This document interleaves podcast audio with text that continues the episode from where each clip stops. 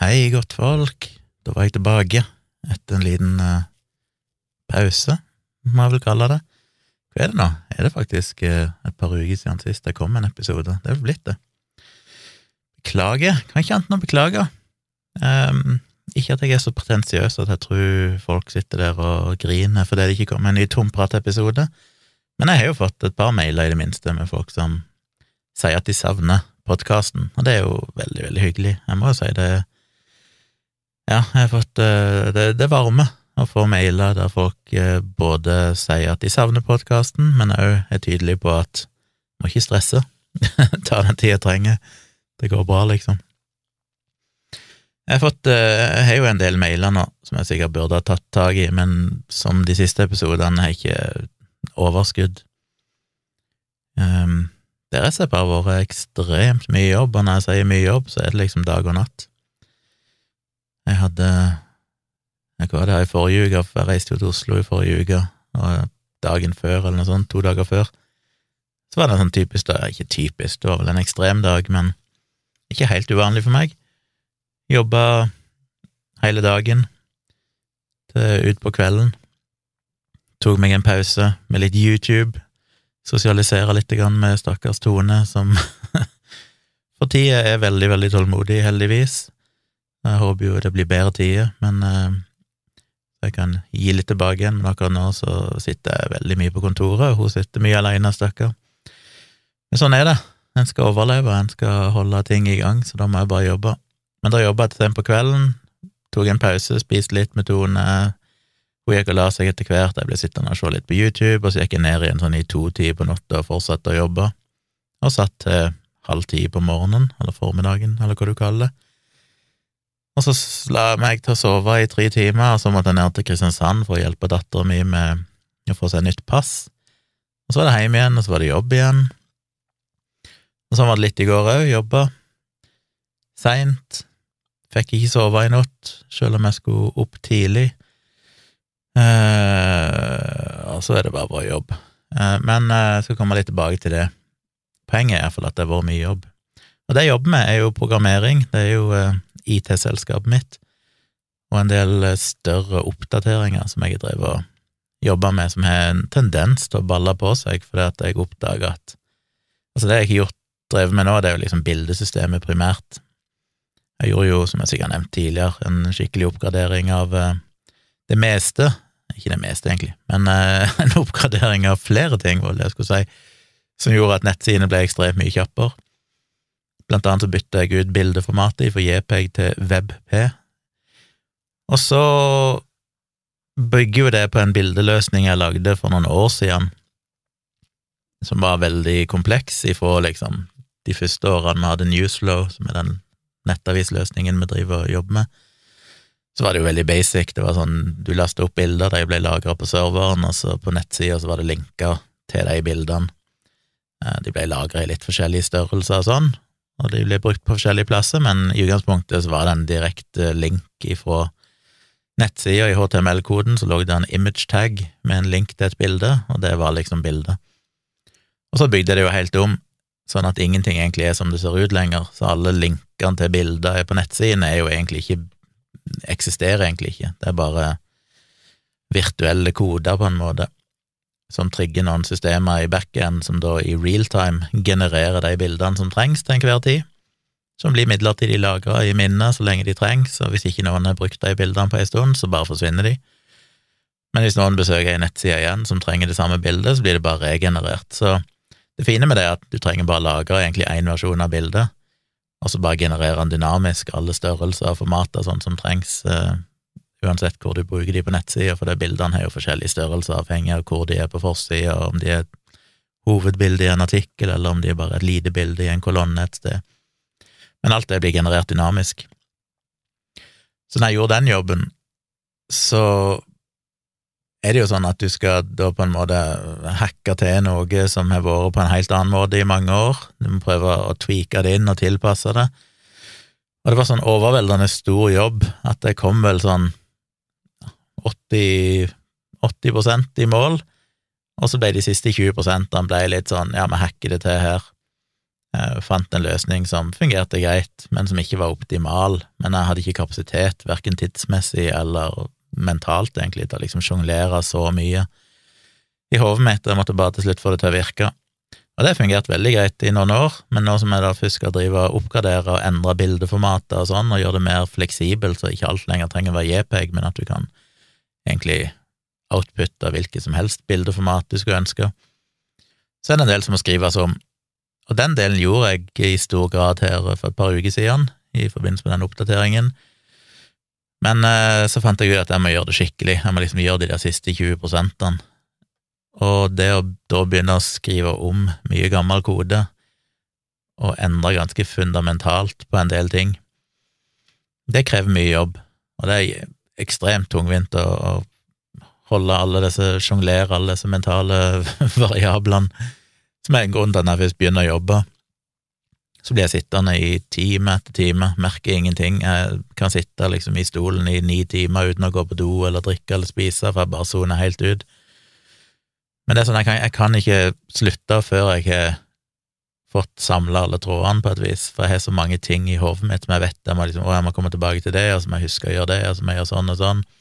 Og hvis jeg faller ut av tråden her nå, så kommer jeg ikke til å huske i morgen hva jeg egentlig drev på med.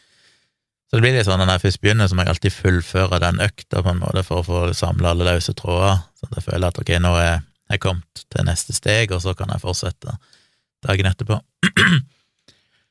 så jeg var jo i eh, Oslo her i forrige uke, jeg husker det sikkert skjedde andre ting òg, men det er ikke så nøye. Jeg var i Oslo, reiste inn en liten tur alene, bare for å få litt miljøforandring etter å ha sittet på dette lille mørke kontoret mitt her, som ikke er noen vindu eller noen ting, i eh, flere uker. Og så skulle jeg òg på et lite fotokurs som ei venninne av Tone tipsa hun om, og hun måtte tipse meg om. Og det falt i smak, og det var rett og slett et um, kurs i makrofotografering i Oslo Reptilpark. Det var vel Japan Foto som arrangerte det. Så jeg eh, meldte meg på der, for det var ikke så dyrt, det var 500 kroner. Tenkte det var jo egentlig midt i blinken. Jeg har jo et makroobjektiv som jeg egentlig ikke har fått brukt noe særlig, og tenkte det det er liksom det med de kursene jeg har vært på, handler jo mer om å bare ha en mulighet til å prioritere fotografering i noen timer, mer enn nødvendigvis at jeg lærer så mye av det. Og det gikk vel litt igjen med dette kurset her, at det, var veldig lite læring. Det var liksom en instruktør der, vi kom jo Det var bare fire stykk som var med. Jeg tror det var bare fem påmeldte, jeg tror en ikke møtte opp, eller noe sånt. Så vi var jo en veldig liten gjeng. Og så var det etter stengetid i Oslo Reptilpark. Så det var en fyr fra Japan Foto der som har som spesialfelt å fotografere hoggorm, som jo er litt artig, at det liksom er det han driver med, det er livet hans, det er å bare ta bilder av hoggorm. Men han er tydeligvis eh, god greie på reptiler og alt mulig slags krypdyr, så han eh, hadde tydeligvis lov til å være der alene, uten at betjeningen i reptilparken var der, eh, og kunne ta inn og ut eh, slanger og herje med dem og visste hvordan han skulle behandle dem og sånn. Så vi kom, og han bare introduserte seg, egentlig, så hadde han rigget opp ett lys med en stor softbox og en svart bakgrunn oppe i andre etasje, for de som har vært i Oslo Reptilpark, som jo er et veldig lite lokale. Um, men i utgangspunktet så var det bare å starte, han bare sa litt om måtte ha en blits og måtte bruke sånn og sånn objektiv, og han hadde masse objektiver med, vi kunne låne og blitse og sånn hvis vi ville, men jeg hadde mitt eget utstyr. Og så hadde vi da muligheten til å åpne alle sånne bur, om du skal kalle det. Det er jo på en måte sånn innsøkk i veggen med glass, skyveglass foran, og på baksida så er det slanger og kameloner og all slags små frosk, giftige frosker og diverse. Men der hadde vi da lov til å eh, åpne de, som virka litt sånn skummelt, for det var sånn Hæ, stoler de? stoler de på oss? Eh, men det gjorde jeg da. Så jeg gikk rundt med blitsen min og kamera, og tørde etter hvert å åpne noen av de og stikke inn hodet og kamera inn i disse burene. Og bare, Det som er litt kjipt i de burene, at de blir jo mata med sirisser, sånn, så de kryper jo alltid levende sirisser. Det er alltid noen som har kommet seg ut òg, så de sitter i trappa og på veggene og rundt forbi der. Og så vet du aldri om det er mer enn ett dyr inni disse burene. Det kan liksom være at du har en skilpadde, men det er jo en tarantell. så det, det, er litt sånn, ok, her stikker kameraet inn, Men plutselig kommer jeg på men, men shit, kanskje det er en tarantell som sitter oppi taket her og bare plutselig faller ned i hodet mitt. Så det var litt sånn eh, små-creepy, akkurat det. Men det var kult å kunne komme helt eh, up and close på, på disse små krypene. Og så er det jo ikke alltid like samarbeidsvilje, selvfølgelig. Plutselig så sitter de ikke der du vil de skal sitte, og de gjemmer seg, og Så det var jo vanskelig, men jeg fikk nå noen bra bilder, selv om de beste bildene var jo utvilsomt de som ble tatt med skikkelig lys og svart bakgrunn. Han hadde jo med seg en, eh, skal du kalle det, en slags eh, rot, en sånn trefigur, som han da satte slanger på og kveila seg rundt, en eller annen sånn, hva det Tone kalte det, skjeggvaran, en eller annen sånn øgle, sånn ørkenøgle. Jeg satte de oppå den, så de ble sittende der, og da kunne du ta dritfine bilder, så jeg har noen bilder som er temmelig kule, der det bare ser så proft ut, så om som det skulle vært tatt rett ut av ei sånn eh, biologibok med perfekt belysning og svart bakgrunn, og sitter på en sånn fin eh, trestokk. Eh, det var litt mer tricky å ta fine bilder inn i burene, for der er det jo forferdelig lys, og det er vanskelig å komme til, og du har bare en blits i den ene hånden og kamera i den andre hånden, og så må du prøve å stikke det inn og plassere blitsen sånn noenlunde fornuftig. Det var jækla slitsomt. Skulle ha trent litt styrke før, for det å gå rundt og bruke kamera med bare ei hånd i tre timer og holde blitsen i den andre, det tar jeg fuckings på. Men det var gøy. Eh, det var ikke mye læring, som sagt. Jeg savna jo egentlig at han skulle lære oss litt mer, si hva vi skulle gjøre, hva teknikker, men det var liksom bare kjør på, bare gå rundt og ta bilder. Og så hjalp han jo litt om å ta ut forskjellige slanger og sånn, og plasserte de på denne her greia, som jeg kunne bytte litt på å ta nærbilder av forskjellige dyr. Så det ble um, var verdt, verdt de 500 kronene, definitivt. Jeg har importert bildene, kikka raskt gjennom de, valgte ut noen av de, ikke rukket å redigert, men jeg skal nok få posta de på Instagram og sånn etter hvert, så følg meg gjerne på ja, hva er det nå Instagram-kontoen min heter? Den heter vel Tjomli Foto fortsatt? Gjør den ikke det? Jeg vil ikke bytte navn på den, for hvis du bytter navn, så vil alle gamle linker til Tjomli Foto bare slutte å virke, så det er ikke noe sånn redirect, liksom. Men jeg endra Twitter og diverse andre sånne fotogreier til Qualia, eller Qualia, Qualia AS, ettersom Qualia ofte ikke er ledig som et selvstendig ord. Men på Tjomli foto på Instagram, hvis dere følger meg der, så ser dere det etter hvert når jeg legger det ut. Legger det ut på Facebook òg, da har jeg jo Qualia AS, heter vel, tror jeg, på Facebook. Hvis du søker på Qualia, så finner du meg sikkert. Følg gjerne den Facebook-sida òg. Eh, så det var det jeg gjorde der. Jeg reiste jo inn til Oslo med buss. Tone kjørte meg ned til Kristiansand sentrum. og Jeg hoppet på bussen og syns det er å foretrekke fremfor tog, fordi at du får eh, internett hele veien. Det er jo 4G og som minimum som regel dekning mesteparten av veien. Det er en veldig korte strekk på noen få minutter, der du kanskje ikke har mer enn edge, eller du mister nettet et øyeblikk, men 98 av veien så er du ganske god internett. Eh, du kan jo få wifi via bussen, men jeg sitter bare med mobilen min og kobler datamaskinen eh, via Bluetooth eller hva er, til, til mobilen, og bruker 4G-en på mobilen. Og jeg hadde så mye å gjøre, så jeg satt jo og programmerte hele veien fra Kristiansand til Oslo, og det er egentlig veldig greit. Satt bare med laptopen på det lille bordet på CD foran. Jeg hadde jo sånn enkel-CD oppe i andre etasje som jeg alltid kjøper, så jeg kan sitte alene og slippe å ha noen rett på sida av meg og satt bare der og jobba rett og slett hele veien inn, og da gikk jo turen egentlig veldig fort og greit. Kom inn til Oslo, eh, møtte ei venninne der, tok en kaffe med henne, og så var det rett på dette kurset, og etter kurset så hadde jeg ett stort mål, og det var å spise en Whopper cheese på Burger King. For det er det så lenge siden jeg har gjort, at en skikkelig burger Jeg spiser jo veldig lite kjøtt, spiser jo egentlig aldri kjøtt hjemme, uh, men når jeg er ute og reiser eller i byen og sånn, på restaurant og sånn, så liksom unner meg kjøtt. Akkurat det med han saftig burger hadde jeg savna, seg altså var dritsulten, hadde jo ikke spist på evigheter. Så etter det kurset så var jeg så sliten og så sulten, og så bare traska jeg ganske lenge til jeg inn på Google Maps og sånn Hvor er nærmeste Burger King? Eh, var, dette Oslo Reptilpark ligger vel oppe med hva er dette, Pilestredet. Så måtte jeg traske ned til Torgata, som jeg fant ut var det nærmeste. Gikk inn der og kjøpte meg en eh, burger, som var litt nedtur. Eh, Whopper cheese, ikke det den en gang var, ellers er det bare jeg som forandrer meg. Mest sannsynlig det siste. Det var helt greit. Det var ikke så fantastisk som jeg hadde håpet det skulle være, men, eh, men ok.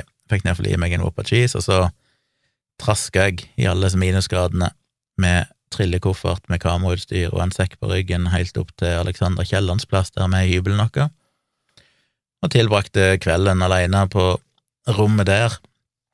Og der fikk jeg heller ikke inn internett, for at eh, den wifien som de som eier leiligheten, der vi har en bitte liten hybel, eh, den fikk jeg ikke kobla til, og så var det ganske seint, så gadd jeg ikke begynne å sende de SMS og mase om det, så jeg bare brukte 4G der òg, men det var så greit.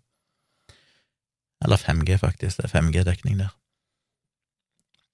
Dagen etterpå, dette var torsdag i forrige uke, på fredagen, hva gjorde jeg da? Da gjorde den på fredagen, jeg må se i kalenderen min om jeg hadde en agenda den dagen. Nei, jeg hadde vel ikke det, så jeg husker fanken ikke hva jeg gjorde på den fredagen. Jeg sov ei stund. Jeg fikk jo ikke lagt meg før så jeg var ganske tidlig på morgenen, kjenner jeg meg sjøl rett. Når jeg liksom endelig hadde reist av gårde og hadde jobba så mye, så ble jeg liksom sittende oppe halv åtte. Og så sov jeg, og sov egentlig ganske greit sto opp Det føles alltid hver gang jeg skal fortelle om dette, så tenker jeg nei, jeg gjorde ingenting den dagen, altså dagen etterpå kom jeg på å fuck, jeg hadde jo fire ting jeg gjorde den dagen. Men jeg tror jeg bare Jeg tror jeg bare chilla, og så Jo, det var sånn det var jeg skulle treffe hun venninna mi, så jeg gikk vel ned, hun hadde fått seg en ny leilighet, tilfeldigvis, i naboblokka til der vi har fått leilighet, i Bjørvika. Så jeg gikk ned og besøkte hun, og stakkars hun, for jeg kom vel der i i tida det var der, kanskje i tre-fire-tid, eller noe sånt. Og satte meg ned med laptopen, for hun sa ja, jeg kan sitte der og jobbe, hun hadde fått seg internett, og hun hadde kaffe, ja, det var stort sett det vi trenger. Så satte jeg meg ned og begynte å jobbe, og igjen så ble det en sånn, når jeg bare får ferdig dette, jeg hadde så mange tråder i hodet, og hun hadde heldigvis litt sånn studie, hun satt og leste, skulle ta noen eksamener, et eller annet, så hun satt og leste på det, og jeg ante ikke hva klokka var, og når jeg endelig liksom følte sånn, nå kan jeg endelig legge dette ifra meg, så var jo klokka halv tolv. Så da hadde jo jeg sittet i sofaen der i åtte timer pluss, mens hun bare satt på sida og glante i veggen, basically, fordi jeg måtte jobbe. Så det føltes jo litt sånn kjipt. Men etter jeg var ferdig, så bestilte vi pizza med Foodora, som tok litt tid, men om endelig fikk den Jævlig dårlig pizza for øvrig, jeg syns ikke han var noe særlig, men eh, jeg var sulten, så det var greit nok. Og så tok jeg en taxi hjem etterpå.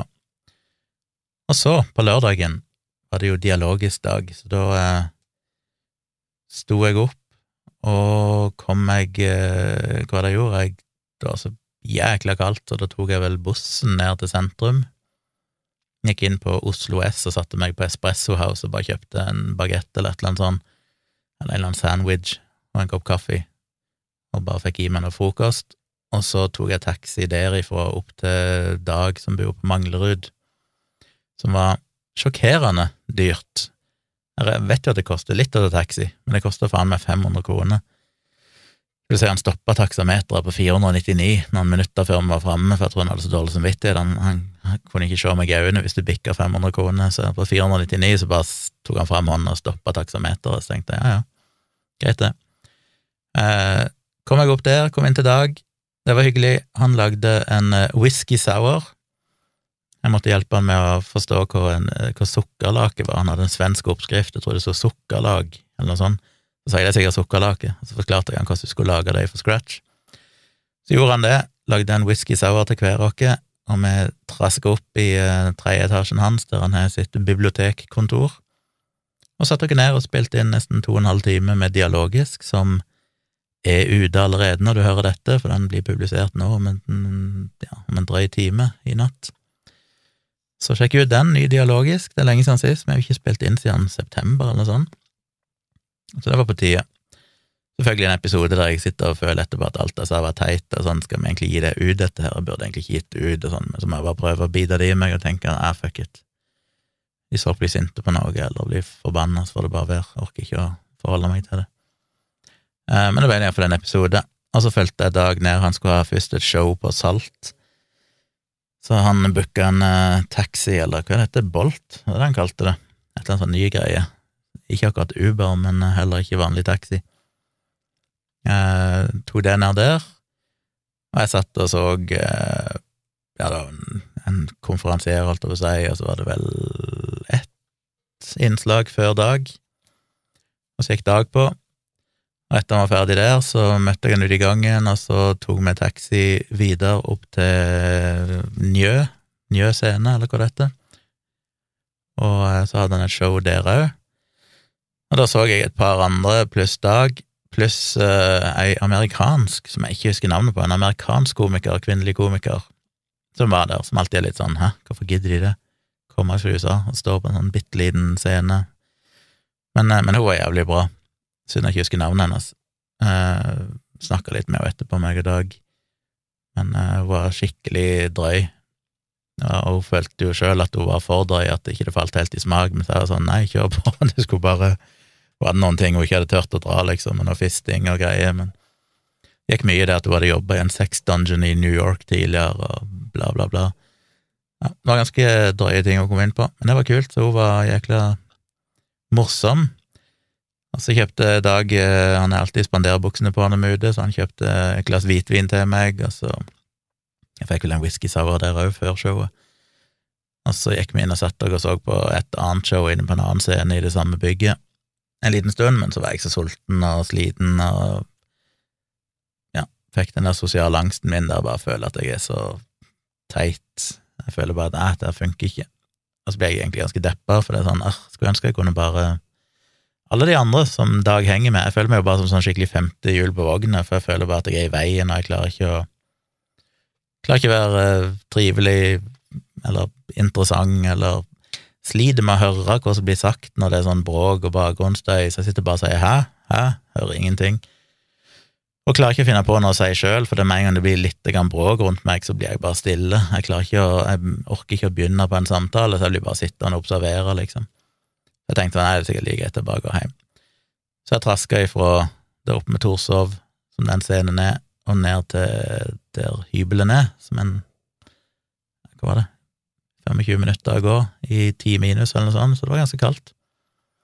Men kom jeg ned der, og ja, gikk vel Gikk innom en butikk på veien, kjøpte meg litt grann snacks, og så satt jeg bare og chilla ute i de små timer før jeg sovna. Og så på søndagen så var det bussen hjem, og den turen var litt lenger, for denne gangen tenkte jeg nei, nå skal jeg ikke jobbe, nå skal jeg bare ta det med ro på bussturen hjem. For jeg jobba jo ganske mye i Oslo òg, selv om det egentlig skulle være en sånn fritur, så ble det jo fryktelig mye jobbing der òg. Så da satt jeg og så litt YouTube og hørte podkast og sånn, men det, da følte jeg jo bare som at turen tok mye lengre tid enn når du faktisk bruker hjernen på noe. Når du bare sitter og kikker ut av vinduet og hører eller ser på et eller annet, så går tida litt treigere. Men eh, det var for så vidt greit. Den bussturen tar jo alltid en halvtime lenger enn det det står oppsatt i rut ruteplanen. Og så ble jeg møtt av Tone, som henta meg og kjørte hjem. Så det var vel egentlig det som eh, har skjedd av store begivenheter. Bortsett fra det så har jeg stort sett jobba. I dag fikk jeg en melding av eh, I dag måtte jeg gå opp tidlig, for jeg, eh, jeg hadde jo for ei uke siden så hadde jeg jo bilen inne på service, Teslaen. Den skal jo ha ny EU-kontroll innen 1. mars, men så liker jeg å Liker og liker, jeg har bare hatt den et år, så jeg har jo ikke akkurat så mye rutine, men um, ifølge Tesla så er det vel noe sånn vinterpleie du bør gjøre en gang i året. Det er noen filter og sånn du skal bytte annethvert og tredje hvert år, og sånn, men det gjorde jeg i fjor. Så i år ville jeg egentlig bare ha den inn, bare for å ta en liten sjekk, og så skulle de vel være noe sånn smøring av bremser eller et eller annet som de anbefalte å gjøre på vinteren. Så jeg gjorde det. Tenkte det skulle gå greit. Jeg kjørte inn der uh, halv tolv eller noe sånt en eller annen dag forrige uke, og så bare satt jeg på en kafé inne på Sørlandssenteret, for Tesla ligger rett i, i Sørlandsparken. Satt der et par timer, ja, tre-fire timer, og venta, og så ringte han meg og sa du, det var ganske mye å ta tak i her, så uh, han skulle lage et pristilbud til meg. Og bilen ble ikke EU-godkjent, for jeg tenkte jeg kunne like godt EU-godkjenne den i samme slengen når jeg først hadde inne på verkstedet, selv om det var litt tidlig. Bare sånn, I tilfelle det skulle være noe, så vet du aldri med Tesla, plutselig er det deler de ikke får tak på, eller et eller annet, og så plutselig så er det 1. mars, og så kan du ikke bruke bilen. Så det var best å rydde i god tid. Så var det jo selvfølgelig en del ting som måtte fikses, og dagen etterpå fikk jeg tilbudet, og det var jo på 35 000. som ikke er hyggelig. Det er jo det som er dritt med å ha bil, det er jo det jeg aldri har likt med bil, det er derfor jeg alltid tidligere, alle mine tidligere biler, ja, bortsett fra de par første som var sånn gamle vrak jeg bare arva etter noen, men da jeg først kjøpte min egen bil for første gang, så har jeg bare hatt nye biler, fordi da vet du at de stort sett neppe er noen seriøse feil de første fem årene eller et eller annet, sparer deg for uvente utgifter.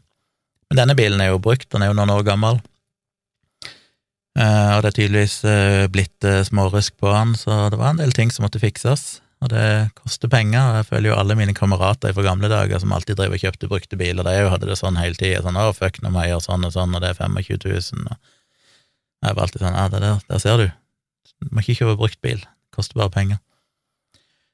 Så det var jo dyrt. Heldigvis så kunne de jo fikse den ganske kjapt, så jeg fikk jo en time i dag. Eh, og siden det var en ganske lang eh, reparasjon, så de trengte estimerte sju timers arbeid, så booka jeg meg inn på den tidligste timen de hadde, halv ni, så jeg kunne forhåpentligvis få den igjen samme dagen, så jeg måtte opp klokka sju i dag, og fikk jo ikke sove i natt i det hele tatt etter jeg kom hjem fra Oslo i går. Så eh, ble jeg bare sittende våken, gikk og la meg, lå i senga, klarte ikke å sovne fikk et akutt behov for ost, så jeg måtte plutselig bare stå opp sånn klokka tre om natta og gå opp på kjøkkenet og finne noe ost å spise. så gikk jeg ned og prøvde å legge meg igjen, klarte ikke å sovne, så jeg sovna sikkert ikke før klokka var nærmere fem, eller noe sånt, og så måtte jeg opp igjen klokka sju. Så jeg har vel to timer søvn i natt òg, så det, det, blir ikke så mye søvn. Så jeg kjenner jeg er ganske trøtt. Men uh, reiste ut med bilen, fikk levert den, satte meg på, først på McDonald's, for det er den eneste plassen de åpner jo ikke før klokka ti på Sørlandssenteret. Så der var jeg jo allerede halv ni, så da måtte jeg bare sitte på McDonald's som er døgnåpen. Jeg kjøpte meg en eh, dårlig McDonald's-kaffe bare for å kjøpe et eller annet, så jeg kunne sitte der, og så satt jeg og jobba der. Og så, så fort de åpna Sørlandssenteret, så traska jeg inn der og gikk på en litt eh, mer komfortabel kafé, kjøpte meg en liten frokost og, og satt der og jobba i mange timer. Og ca. halv fire så ringte de meg fra Tesla og sa at nå var de ferdig med bilen. Og alt hadde heldigvis gått bra, så den var jo i boks, men uh, det gikk jo hardt utover bankkortet mitt, som da ble trukket for mye penger. Så det ordna seg, men det ble lite søvn, og mens jeg satt der, så fikk jeg en SMS fra dattera mi som spurte om jeg kunne hjelpe henne litt med matte i dag, fordi hun skulle ha en sånn muntlig prøve, et eller annet, uh, de neste par dagene før jul, og det var noe greier hun trengte litt hjelp med. Så jeg sa ja, det kan jeg gjøre. Så når jeg kjørte hjem, så kjørte jeg og henta henne. Og tok henne med hjem, handla en middag, lagde middag til oss. Ikke så ofte jeg lager en sånn skikkelig middag, men jeg føler liksom jeg må gjøre litt mer ut av denne hun er der, så denne gangen lagde jeg faktisk eh, eh, laksefilet med kokte poteter, kokt brokkoli og, og gulrøtter som har skåret opp. Og det er lenge siden jeg har spist en sånn skikkelig heimelaga middag som jeg på en måte laga i bunnen av. Men det var godt, så vi fikk i oss det, meg og Maja og Tone. Tone spiste grønnsakene. Og så begynte hun med de mattegreiene sine, og så måtte jeg hjelpe henne der. Og da føler jeg meg jo ikke veldig smart for det der. Hun bare viste hvor oppgaven var, det gikk basically ut på at du skulle vise at du beherska ei lang liste med ting, og for å vise det, så skal hun da egentlig konstruere en del oppgaver sjøl, med utgangspunkt i en fornøyelsespark. Så hvordan kan du bruke ideen om en fornøyelsespark til å finne all slags oppgaver som kan handle om, handle om sannsynlighetsberegning, eller å løse ligninger, eller vinkler, trikanter, alt det der, Pythagoras og sånn. Så jeg eh, hjalp henne litt med det.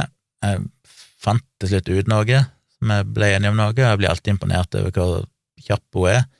Jeg skulle for eksempel ha noe sånn, jeg, jeg sa at vi kunne for eksempel si at vi hadde et sånn hva heter det, sånn lykkehjul, og så sier jeg at den er delt opp i 36 kakestykker, og så er én av de første premie, og fire av de andre premie, og ti av de er trøstepremie, og så begynner jeg å regne på sannsynlighet, hvor sannsynlig er det at du får en førstepremie, for eksempel, hvor sannsynlig er det at du får to førstepremier på to snurr etter hverandre, da må du plutselig begynne å Men så begynner jeg å tvile på meg sjøl, liksom, men, men hvordan blir det da hvis du snurrer Hvis du lager en oppgave som sier hva er sannsynligheten for å, Det er lett å finne sannsynligheten selvfølgelig på ett snurr, men hva er sannsynligheten for å få førstepremie hvis du har ti forsøk? Eller hva er sannsynligheten for å få to førstepremier på ti forsøk? Og så begynner jeg å tvile, sånn adjit. Eh, men så imponerer hun meg da når jeg sier sånn Vi kan jo for eksempel ha en oppgave om hvor sannsynlig er det at du får én eller annen premie, altså første, andre eller trøstepremie på et snurr, eh, to ganger.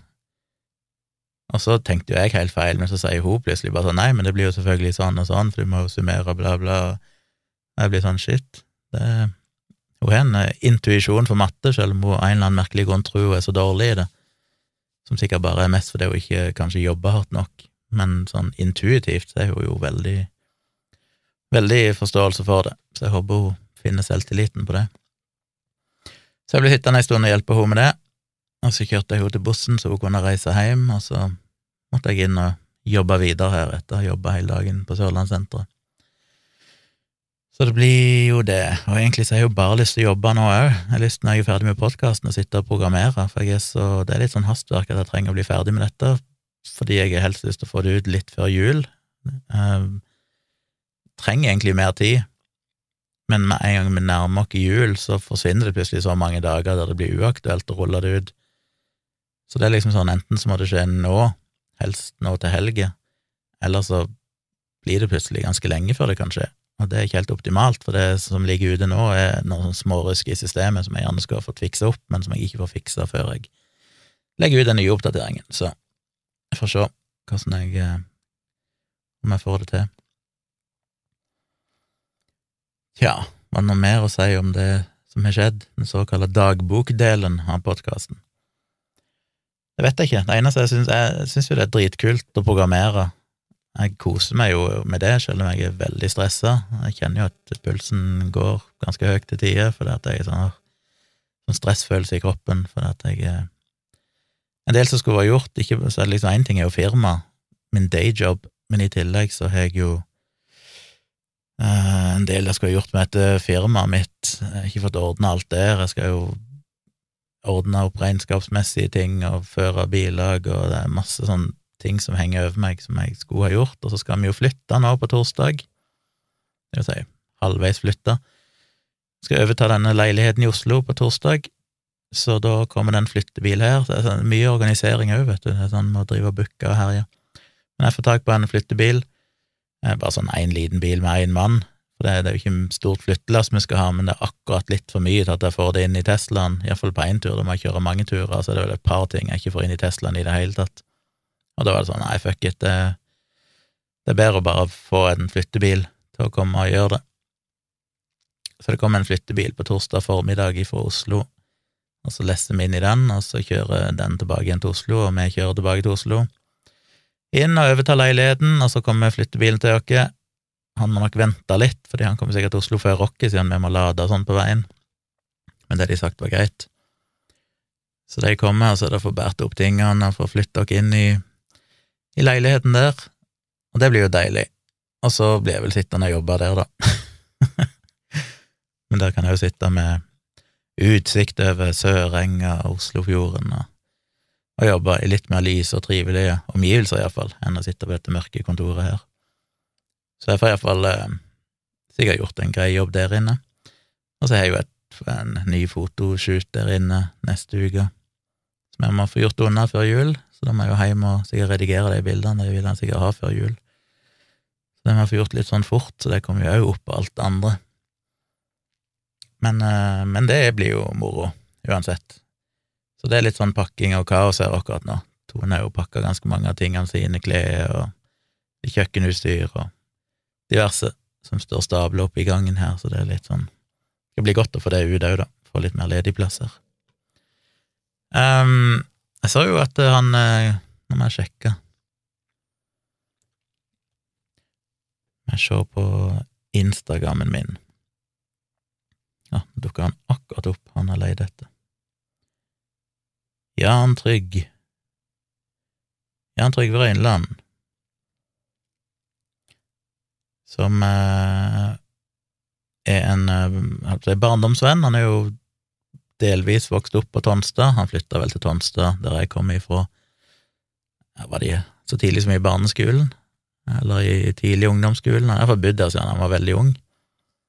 Og etter hvert som han ble eldre og, og sånn, så begynte jeg å henge en del med han, og så flytta jo han til Oslo. Og så jeg truffet han en del her, men så flytta han til København for noen år siden, så nå har jeg ikke sett så mye til han. Han, er jo, han skriver jo filmmanus. Han skrev jo blant annet manuset til Kongens nei, og vant jo en Amanda-pris for det. Men nå har han jo han har gjort mye forskjellig, men nå la han nettopp ut på Instagram for noen dager siden at han drev og jobba med en ny serie som heter Julestorm, som nå kommer på Netflix den 16. desember, som noen veldig få dager.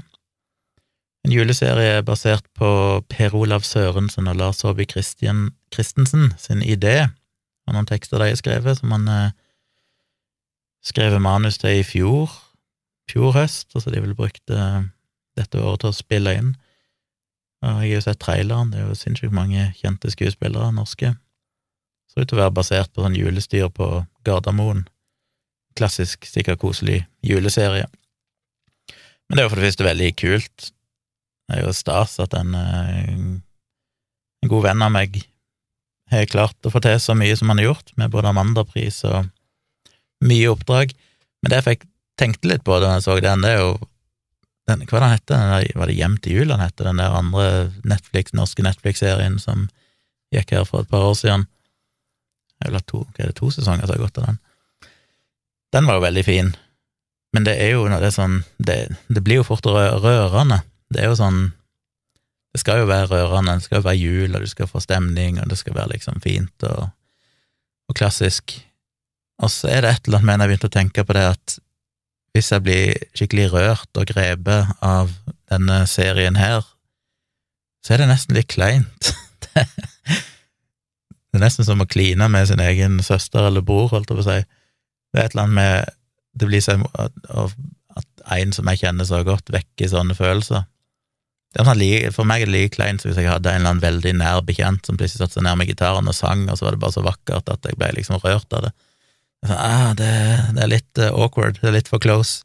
Helt greit hvis det er noen helt fremmede, men når det er noen jeg kjenner litt for godt, så blir det litt awkward. Så det, det kommer til å føles litt sånn at hvis jeg blir rørt av den serien, så er det litt sånn uh, uh. Nei, jeg vil ikke. Men uh, det gjør jeg sikkert, han er flink, og jeg blir lett rørt av sånne ting, og så for jeg bare Jeg kommer ikke til å bruke det Jeg kommer ikke til å kjempe imot å like serien av den grunn. Jeg kommer til å sikkert tvert imot like den. Uh, angående det så så vi jo Troll her forleden dag på Netflix. Det er jo òg han Roar Uthaug som har regissert den. Jeg kjenner ikke han, annet enn at han er Facebook-venn med meg, og er en sånn fyr som alltid liker ting jeg legger ut på Facebook og sånn og Instagram. Så han liker tydeligvis det jeg driver på med, så det føles òg litt stas at liksom å, lager Tomb Raider og nå denne Troll og Bølgen og diverse andre kjente filmer. Og Troll var jo Jeg tror litt derfor så var jeg nok kanskje overdreven positiv til Troll, fordi jeg liksom fulgte han på Facebook da han driver legger ut poster som var 'Nå er vi ferdig med color grading, og nå er vi ferdig med lyden, og så har jeg liksom fulgt opp gjennom høsten nå, da de drev og nådd forskjellige milepæler med å bli ferdig med denne filmen, og jeg har liksom gleda meg.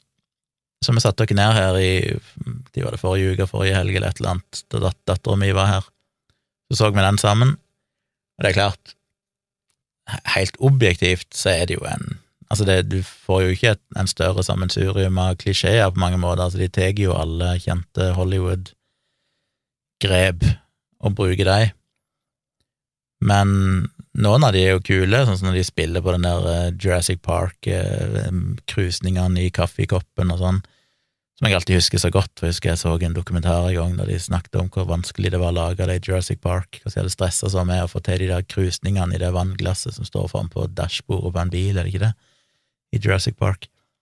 Jeg tror de endte opp med å gjøre det ved at de spente en, en gitarstreng eller en pianostreng ifra undersida av dashbordet eller noe sånt og ned til bakken veldig stramt, og så bare klimpra de på den, og da fikk de akkurat den perfekte krusningen i vannet i det glasset.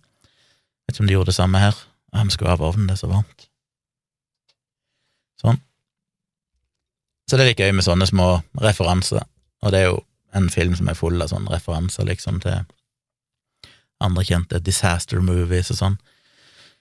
Men så blir en jo litt sånn eh, nasjonalromantisk, holdt jeg på å si. En blir jo litt sånn ah, det er kult at dette er norsk, og det er kult at det er den mest sette på Netflix nå i det siste, og har virkelig gjort suksess. Um, og jeg digger jo effektene, syns jo det, jeg elsker jo filmer som har bra digitale, visuelle effekter, og det syns jeg var bra her. Selvfølgelig er det mye plot holes i, i, i uh, handlingen så en må jo bare se litt gjennom fingrene med det. Men uh, i overkant uh, overdramatisk forsøk på å lage noen sånne scener der en eller annen militærfyr står og roper og skal engasjere de andre til å kjempe den siste kampen, selv om de kanskje kommer til å dø. Blir litt sånn småkleint. Men allikevel så kan jeg ikke annet enn å si at jeg likte den. Var, du kan ikke si annet enn at det er god underholdning. Eh, moro å se. Eh, på ingen måte kjedelig noen gang. Det er jo underholdende fra start til slutt.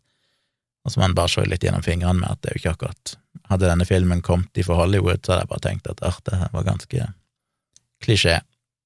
Eh, da hadde jeg kanskje gitt den en sånn terningkast tre, for det er sånn, ja ja, det er jo underholdning, og det var kule effekter, men det er jo ikke akkurat noen revolusjonerende manus. Men siden det er liksom en norsk film, og jeg føler jeg sånn i gåsehudet kjenner Jeg kjenner jo på ingen selvs måte han fyren, men bare vet liksom har en Facebook-venn med han, og vet at han liker det jeg gjør, og jeg syns jo det er dritkult at han får til dette, og det er kult at uh, en norsk regissør har gjort såpass mye suksess internasjonalt, og at de nå har såpass stor suksess på Netflix, at uh, en må liksom bare gi det uh, iallfall en terningkast fire av den grunn. Og det er jo en film jeg anbefaler å se, bare fordi det er god underholdning, og dattera mi likte den veldig godt. Og det er jo kanskje det viktigste jeg hadde nok òg likt han sikkert betydelig bedre hvis jeg hadde vært en del yngre. Så hun digger han iallfall, og det er bra, for jeg har jo prøvd å se en del filmer om henne, og så er det alltid endt opp i katastrofe med at å, shit, dette var en drittdårlig film. Så blir jeg flau over at jeg prøvde å få henne til å se han, for jeg trodde det skulle være en god film. Men denne gangen likte hun han, så det var jo positivt. Så de fleste av dere har sikkert sett den allerede, men eh, verdt å se, syns jeg.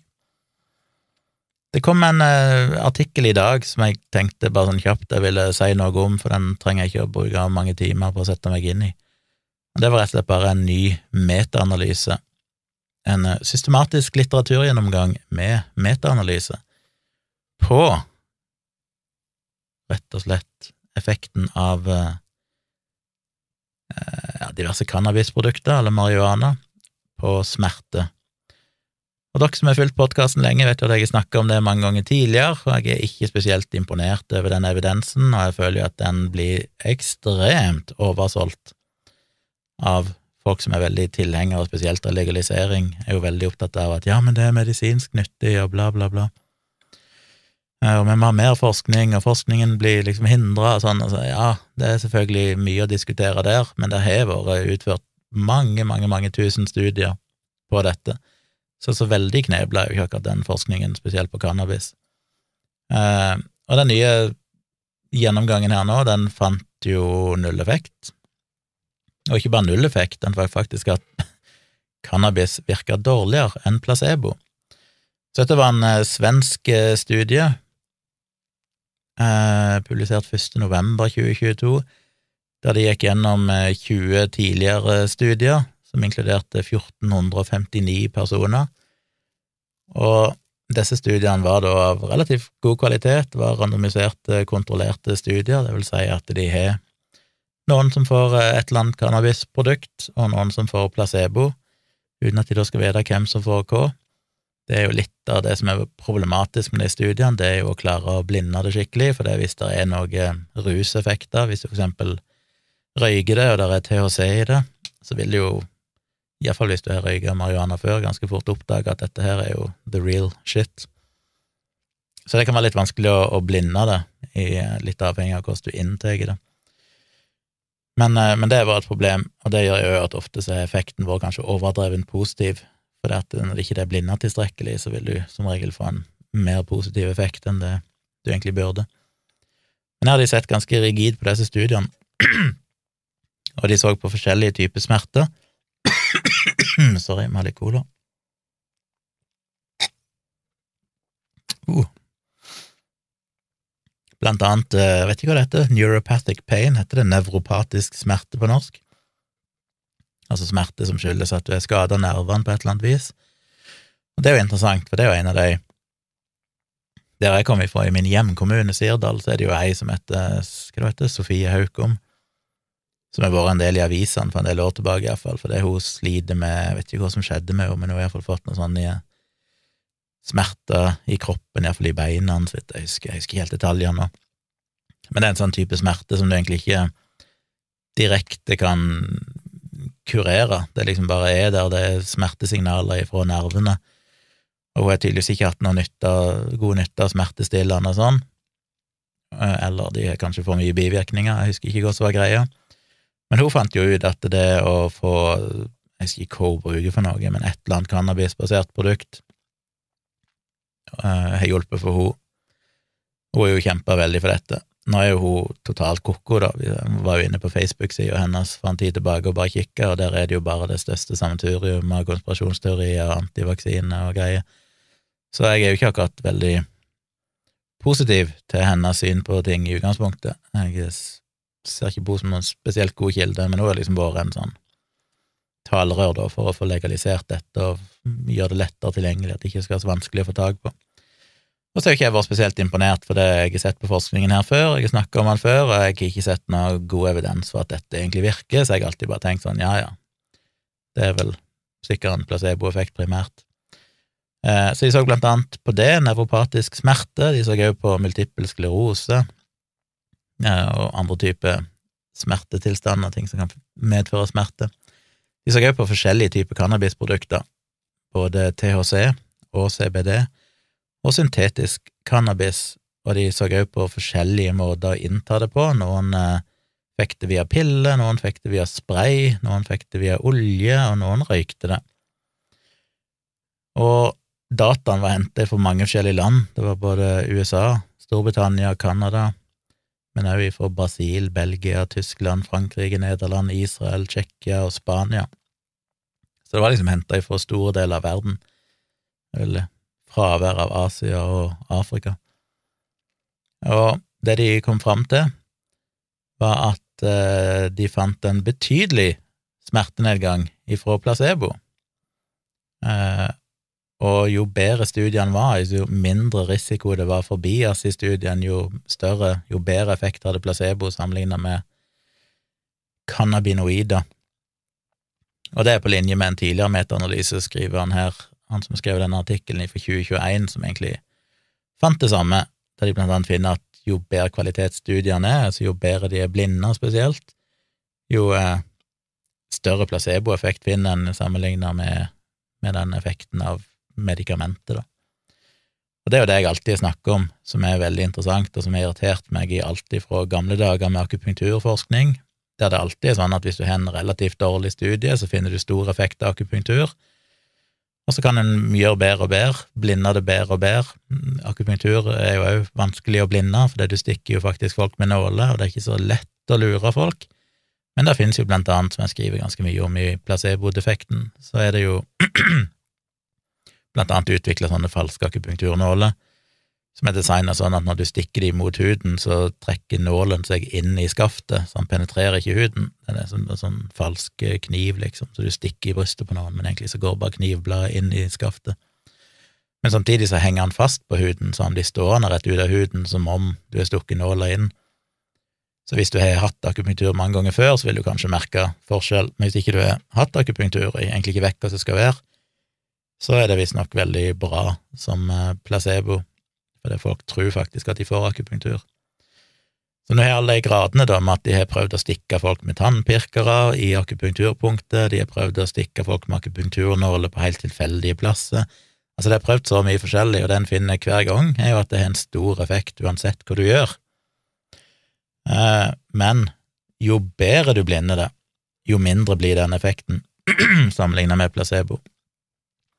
Og det er jo det du finner her òg. Samme så du jo med Ivermektin i pandemien, ikke sant, at du har selvfølgelig alltid i starten en del dårlige, små studier som viser en stor effekt, og så begynner det å komme noen bedre studier, og så blir det plutselig mye mindre effekt.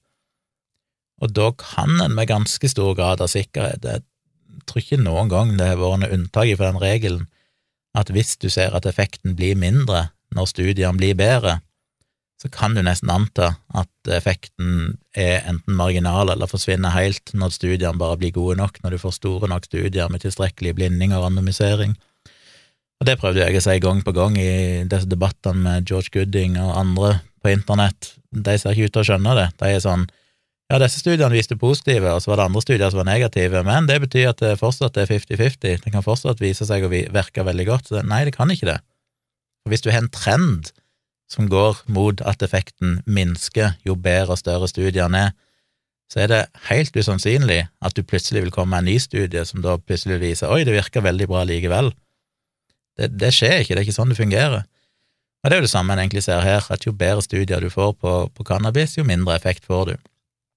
Men de var jo veldig interessert i at det var så betydelig placeboeffekt, så de så òg nærmere på det, og undersøkte igjen, som jeg skriver litt om i, i placebo-defekten, dette her med hvordan effekten kan smitte via media, for eksempel. At det å ta Det snakket jeg jo litt om i forrige episode òg, kanskje, men dette her med at hvis du tar en placebo, eller tar en Ikke placebo, tar en faktisk eh, effektivt legemiddel som Paracet, men du tar merkevaren Paracet heller enn bare en eller annen ukjent navn som inneholder akkurat det samme virkestoffet, så vil gjerne den merkevaren virke bedre fordi du er påvirka av reklame og alt mulig sånn. En ser òg det i forskjellige land, at i land at blodtrykkssenkende medisin kan virke bedre i ett land enn i et annet, som virker veldig rart. Hvorfor skulle samme medikamenter ha forskjellig effekt i forskjellige land? Men det kan jo avhenge av hvor store forventninger pasientene i de forskjellige landene har, blant annet å påvirke av hvor mye reklame som har vært for dette produktet, eller hvor mye medieomtale som har vært om det. Og med cannabis er det jo nettopp i den farlige effekten at de folkene som driver og promoterer dette, det de gjør, er jo egentlig bare å trigge en stor placeboeffekt hos folk, fordi de hyper det så veldig opp. Så kan en si at ok, men det er jo bra, da, hvis det gjør at, at den smertelindrende effekten blir større, så er vel det fint. Men det man jo skiller mellom at det sånn praktisk sett kanskje er gunstig for de som bruker det, at effekten blir best mulig, og skiller det fra spørsmålet om det faktisk virker som jo er mye av kjernen i placebo-defekten, dette her med å skille mellom spesifikk behandlingseffekt og uspesifikke behandlingseffekter. Fordi noen vil si at ja, har det så mye å si, men det har jo selvfølgelig noe å si, spesielt med cannabis, blant annet fordi cannabis er jo veldig mye dyrere enn å spise sukkerpiller, i tillegg til at det er ganske betydelige bivirkninger knyttet til de cannabisproduktene, både med selvfølgelig at hvis du inhalerer det, så kan det jo være skadelig for lungene, men at de òg finner en del andre bivirkninger knytta til det, det finner de i de fleste studier, enten det er kvalme eller hodepine eller whatever, liksom. Så det er jo ikke sånn at det er bare positivt. Det betyr jo at hvis det finnes andre produkter som faktisk virker og har mindre bivirkninger, så burde vi heller jakte etter dem. Men det er jo en gruppe i samfunnet som er veldig, veldig opptatt av at det eneste veien å gå, det er liksom disse illegale rusmidlene, akkurat som at de må virke og være fantastiske bare fordi de er illegale i utgangspunktet, og ikke minst fordi de er naturlige. Herregud, jeg hater den der fuckings Normal, som de vil hete, den foreningen for legalisering av cannabis, som har sånne plakater og eh, bilder de deler på Facebook og sånn med at Jeg husker ikke hva de står, men et eller annet med Du kan ikke forby et naturlig produkt. Og hvordan kan dette være forbudt når du kan gå ut og dyrke det sjøl, liksom, ikke forby naturens egne planter? Sånn, hvor, dum er du da? Vet du noen ting om hvor de giftigste stoffene i verden finnes? Er det, noe, er det sånn at du mener alt skal være helt fritt, da? Eh, ingen regulering. Folk, hvem som helst skal få lov å selge dritgiftige stoffer bare fordi det kommer fra naturen, så derfor er det jo selvfølgelig ikke noe problem, og ingen burde stoppe det. Eh, utrolig irriterende, i tillegg til at de selvfølgelig ikke skjønner at alle meste av de medisinene vi har, kommer jo faktisk fra naturen, men da i en foredla eller syntetisk versjon, nettopp for å unngå bivirkninger og for å ha en kontroll på effekten, ha en kontroll på dosen. For hvis du bare tygger i deg noen urteblader, så aner du ikke hvilken dose du får i deg, og du får sannsynligvis i deg tusenvis av kjemikalier som kanskje er farlige. Eh, som vi jo har sett konkrete eksempler på, da, sånne urtemedisiner som er blitt brukt i tradisjonell eh, kinesisk medisin, og som ser ut til å virke, bortsett fra at alle får nyrekreft etter noen år. Det kan jo være greit å vite om, liksom, ikke bare tenke at eh, fordi det er naturlig, så, så må det være bra.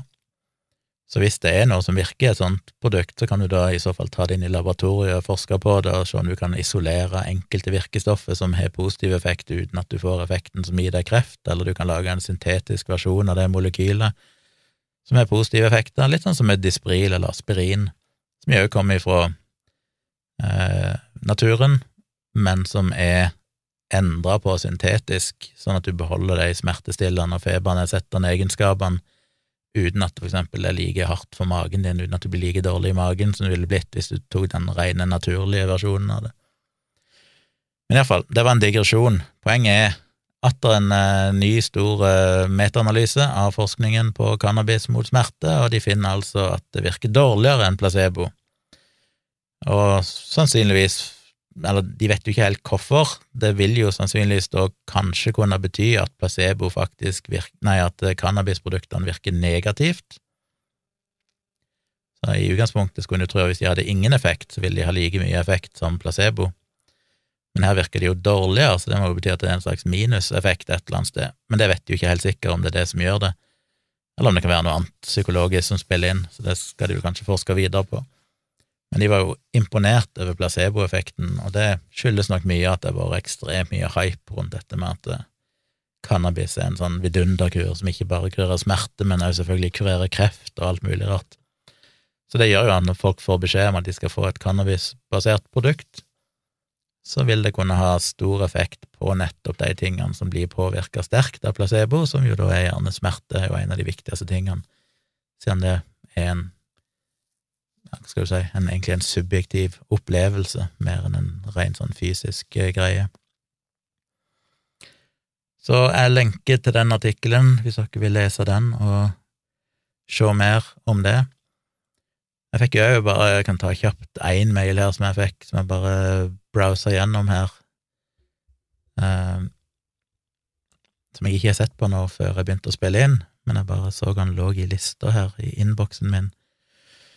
Uh, han skrev en del. En fast lytter av Tomprat, regner jeg med, men han hører jo på Dialogisk, og han hører jo på Virkelig grusomt. Veldig, veldig hyggelig. Apropos det, så fant vi ut at han som Jeg snakket med han uh, som leier ut leiligheten til oss i Oslo i dag, og han var måtte plutselig skyte inn i en bisetning at han hadde funnet ut at samboeren hans hørte jo på Virkelig grusomt, så det syntes han jo var veldig stas, og hun syntes det var veldig kult når vi skulle leie der, for hun var jo syntes jo den podkasten var veldig bra. Apropos det, så Nei, en av de tingene som gjorde meg i skikkelig dårlig humør i går når jeg var på vei hjem fra Oslo, var at jeg tenkte at shit, vi har jo vi har virkelig fått mye lyttere i Virkelig grusomt. Vi er jo i ferd med å Eller vi har kanskje bikka 100 000 eh, streams i måneden. Det vil si at vi på hver episode her rundt 30 000 streams, og det utgjør ca. 10 000 unike streams.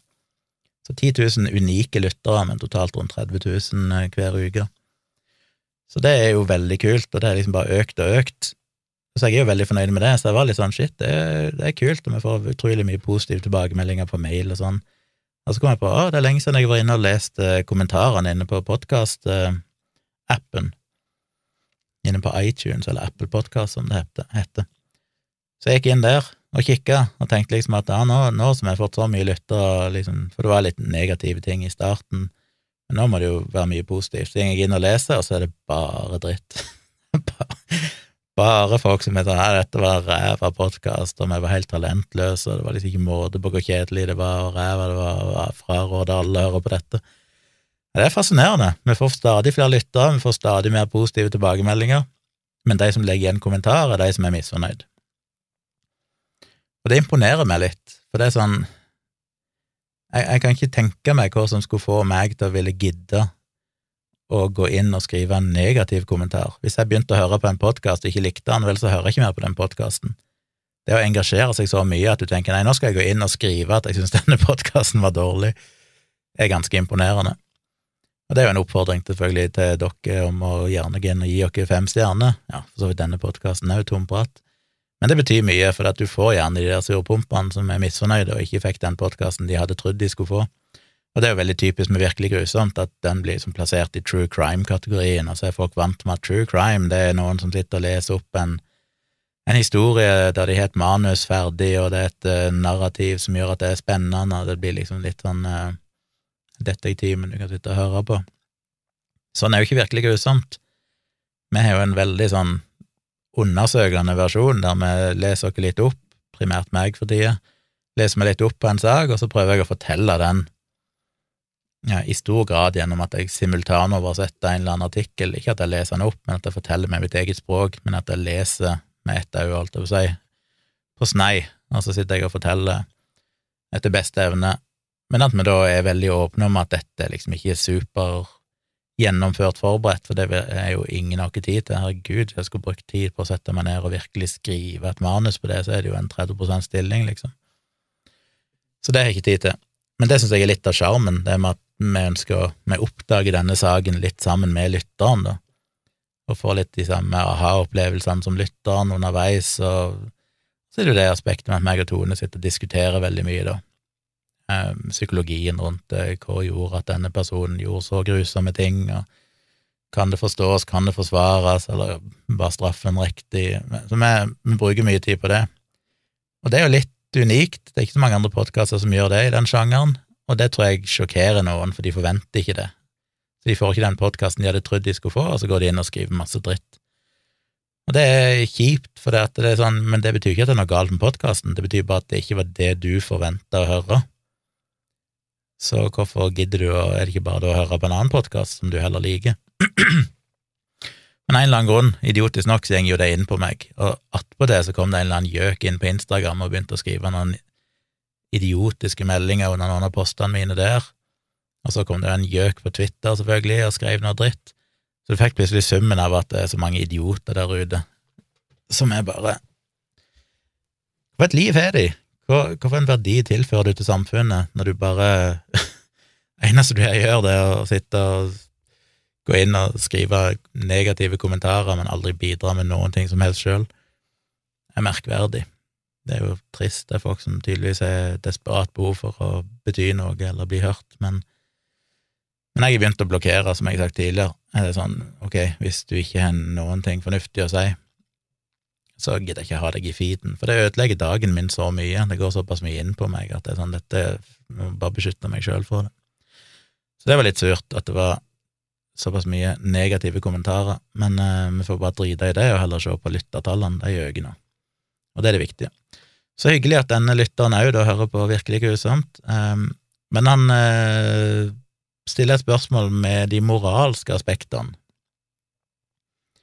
ved denne fascinasjonen. Mange av dere har sikkert fått med dere at det har vært kritikk om disse Dahmer-dokumentarene og seriene, for eksempel, og andre massemordere, eller seriemordere fordi mange mener at det blir å spekulere i, liksom grafse i tragedien, og det er gjerne gjenlevende familiemedlemmer og sånn, som sikkert ikke syns det er så jækla kult at for eksempel Netflix da skal visualisere og, og grafse i det som for deg selvfølgelig var en enorm grusom tragedie. Eh, og så trekker han jo spesifikt fram kanskje at vi i forrige episode, eller sånn er virkelig grusomt, så snakket vi om en eh, japaner som drepte ei dame og spiste henne etterpå.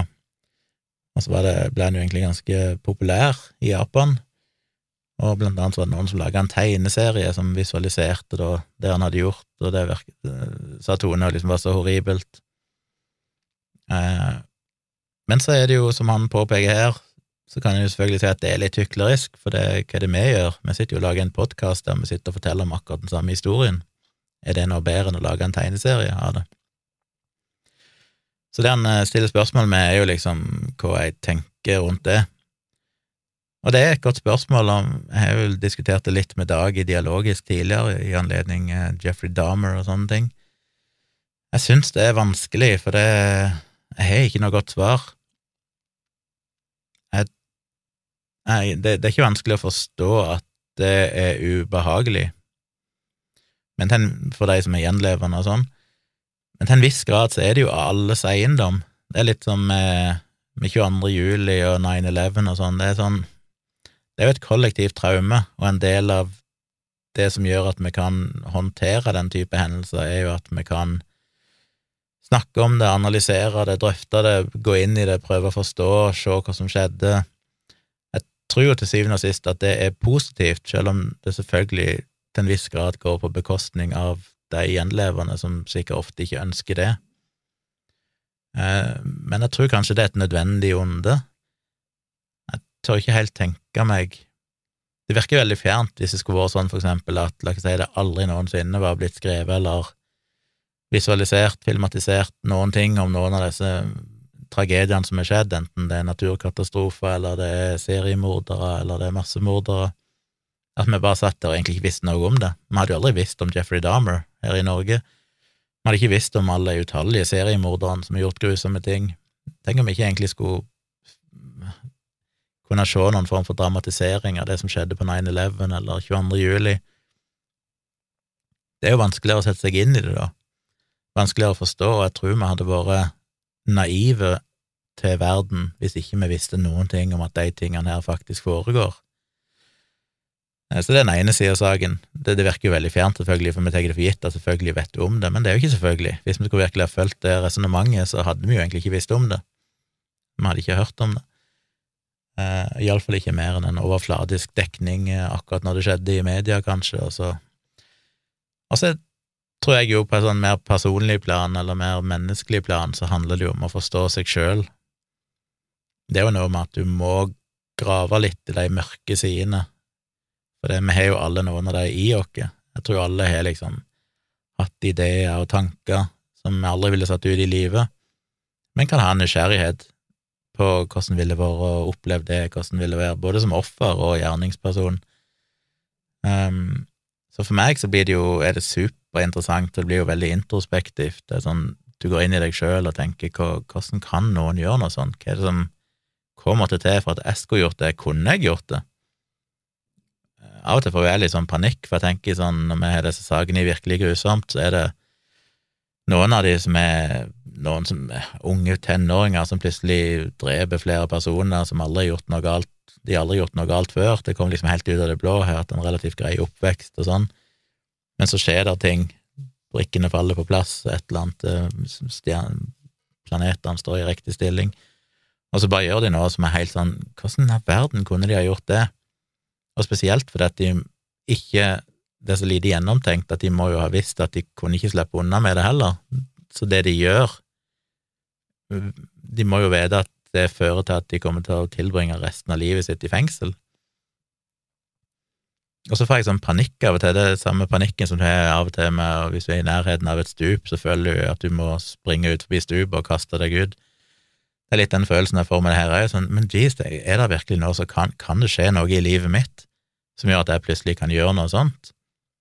Det virker jo helt utenkelig, men det må jo ha virka helt utenkelig for de folkene som gjorde det òg.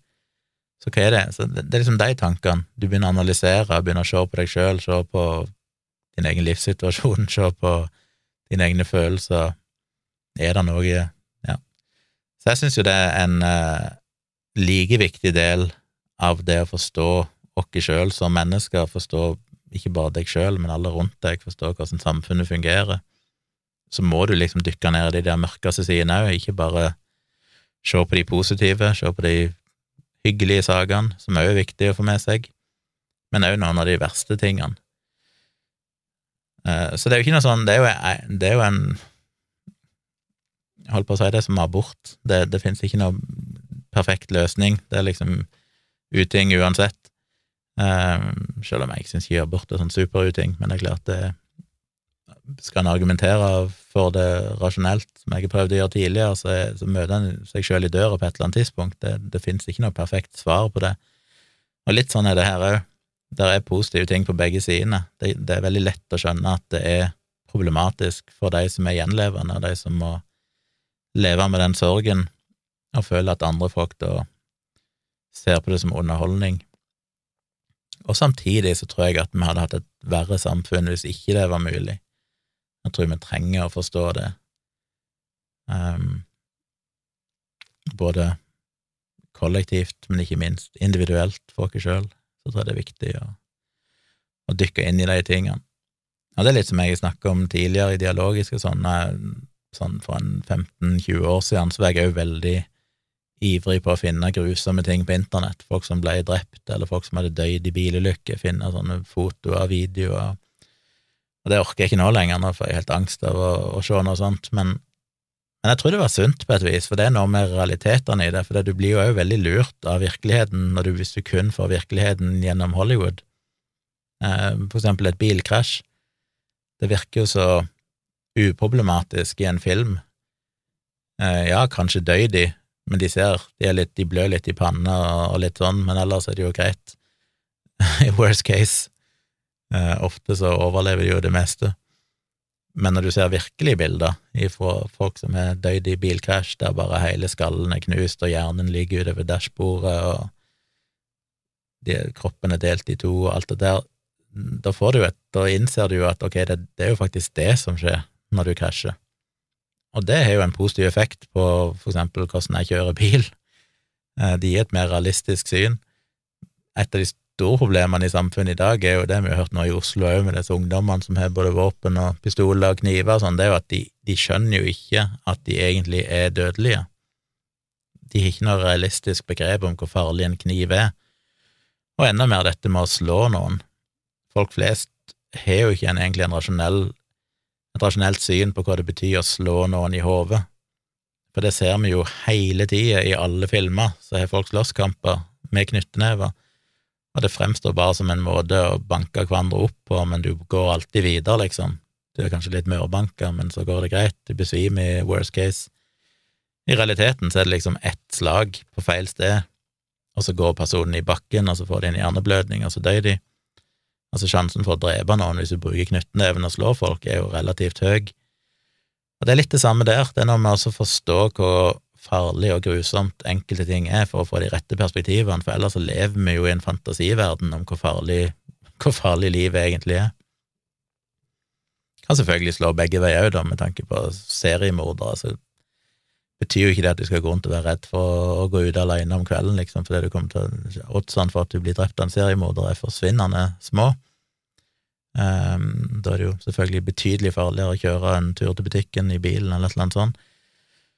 Men allikevel, det er liksom noe med de perspektivene, du må se de verste sidene av verden, du må se de mørkeste sidene, du må både kjenne de på deg sjøl, analysere deg sjøl, men òg forstå sånn rasjonelt hva det innebærer av skade på, en, eh, på et biologisk legeme.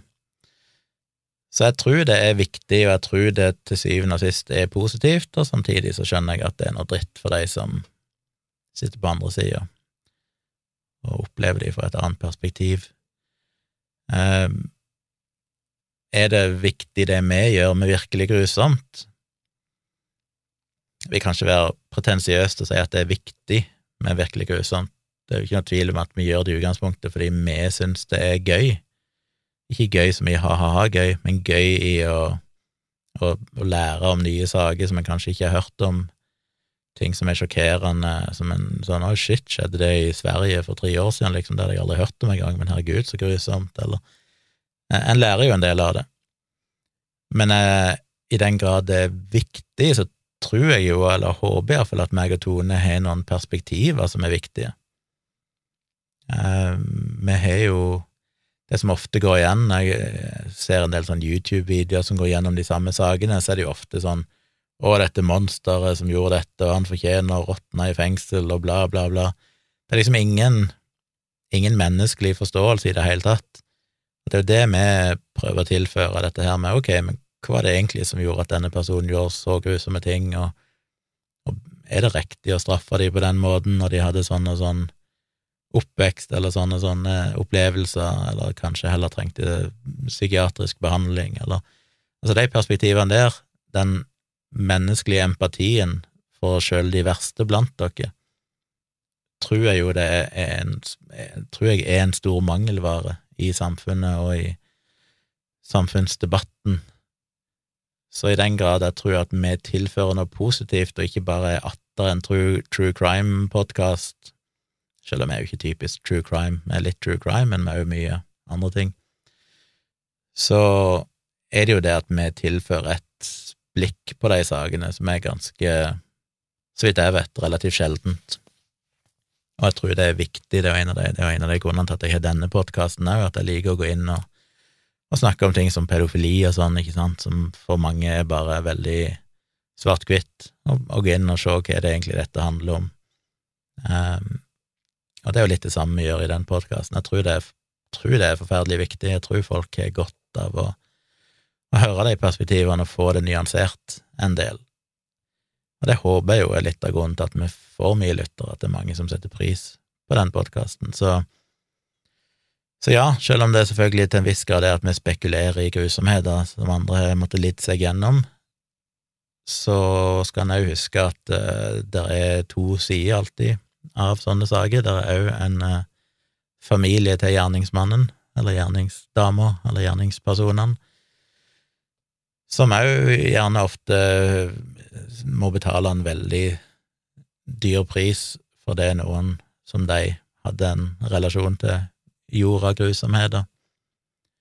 Og jeg tror det òg er et perspektiv, at uh, noen kan òg tale deres sak og prøve å forklare at ok, det er ikke Dette er nok mer komplisert enn det er lett å fremstille det som, hvis en bare gjør en uh, overfladisk monsteranalyse.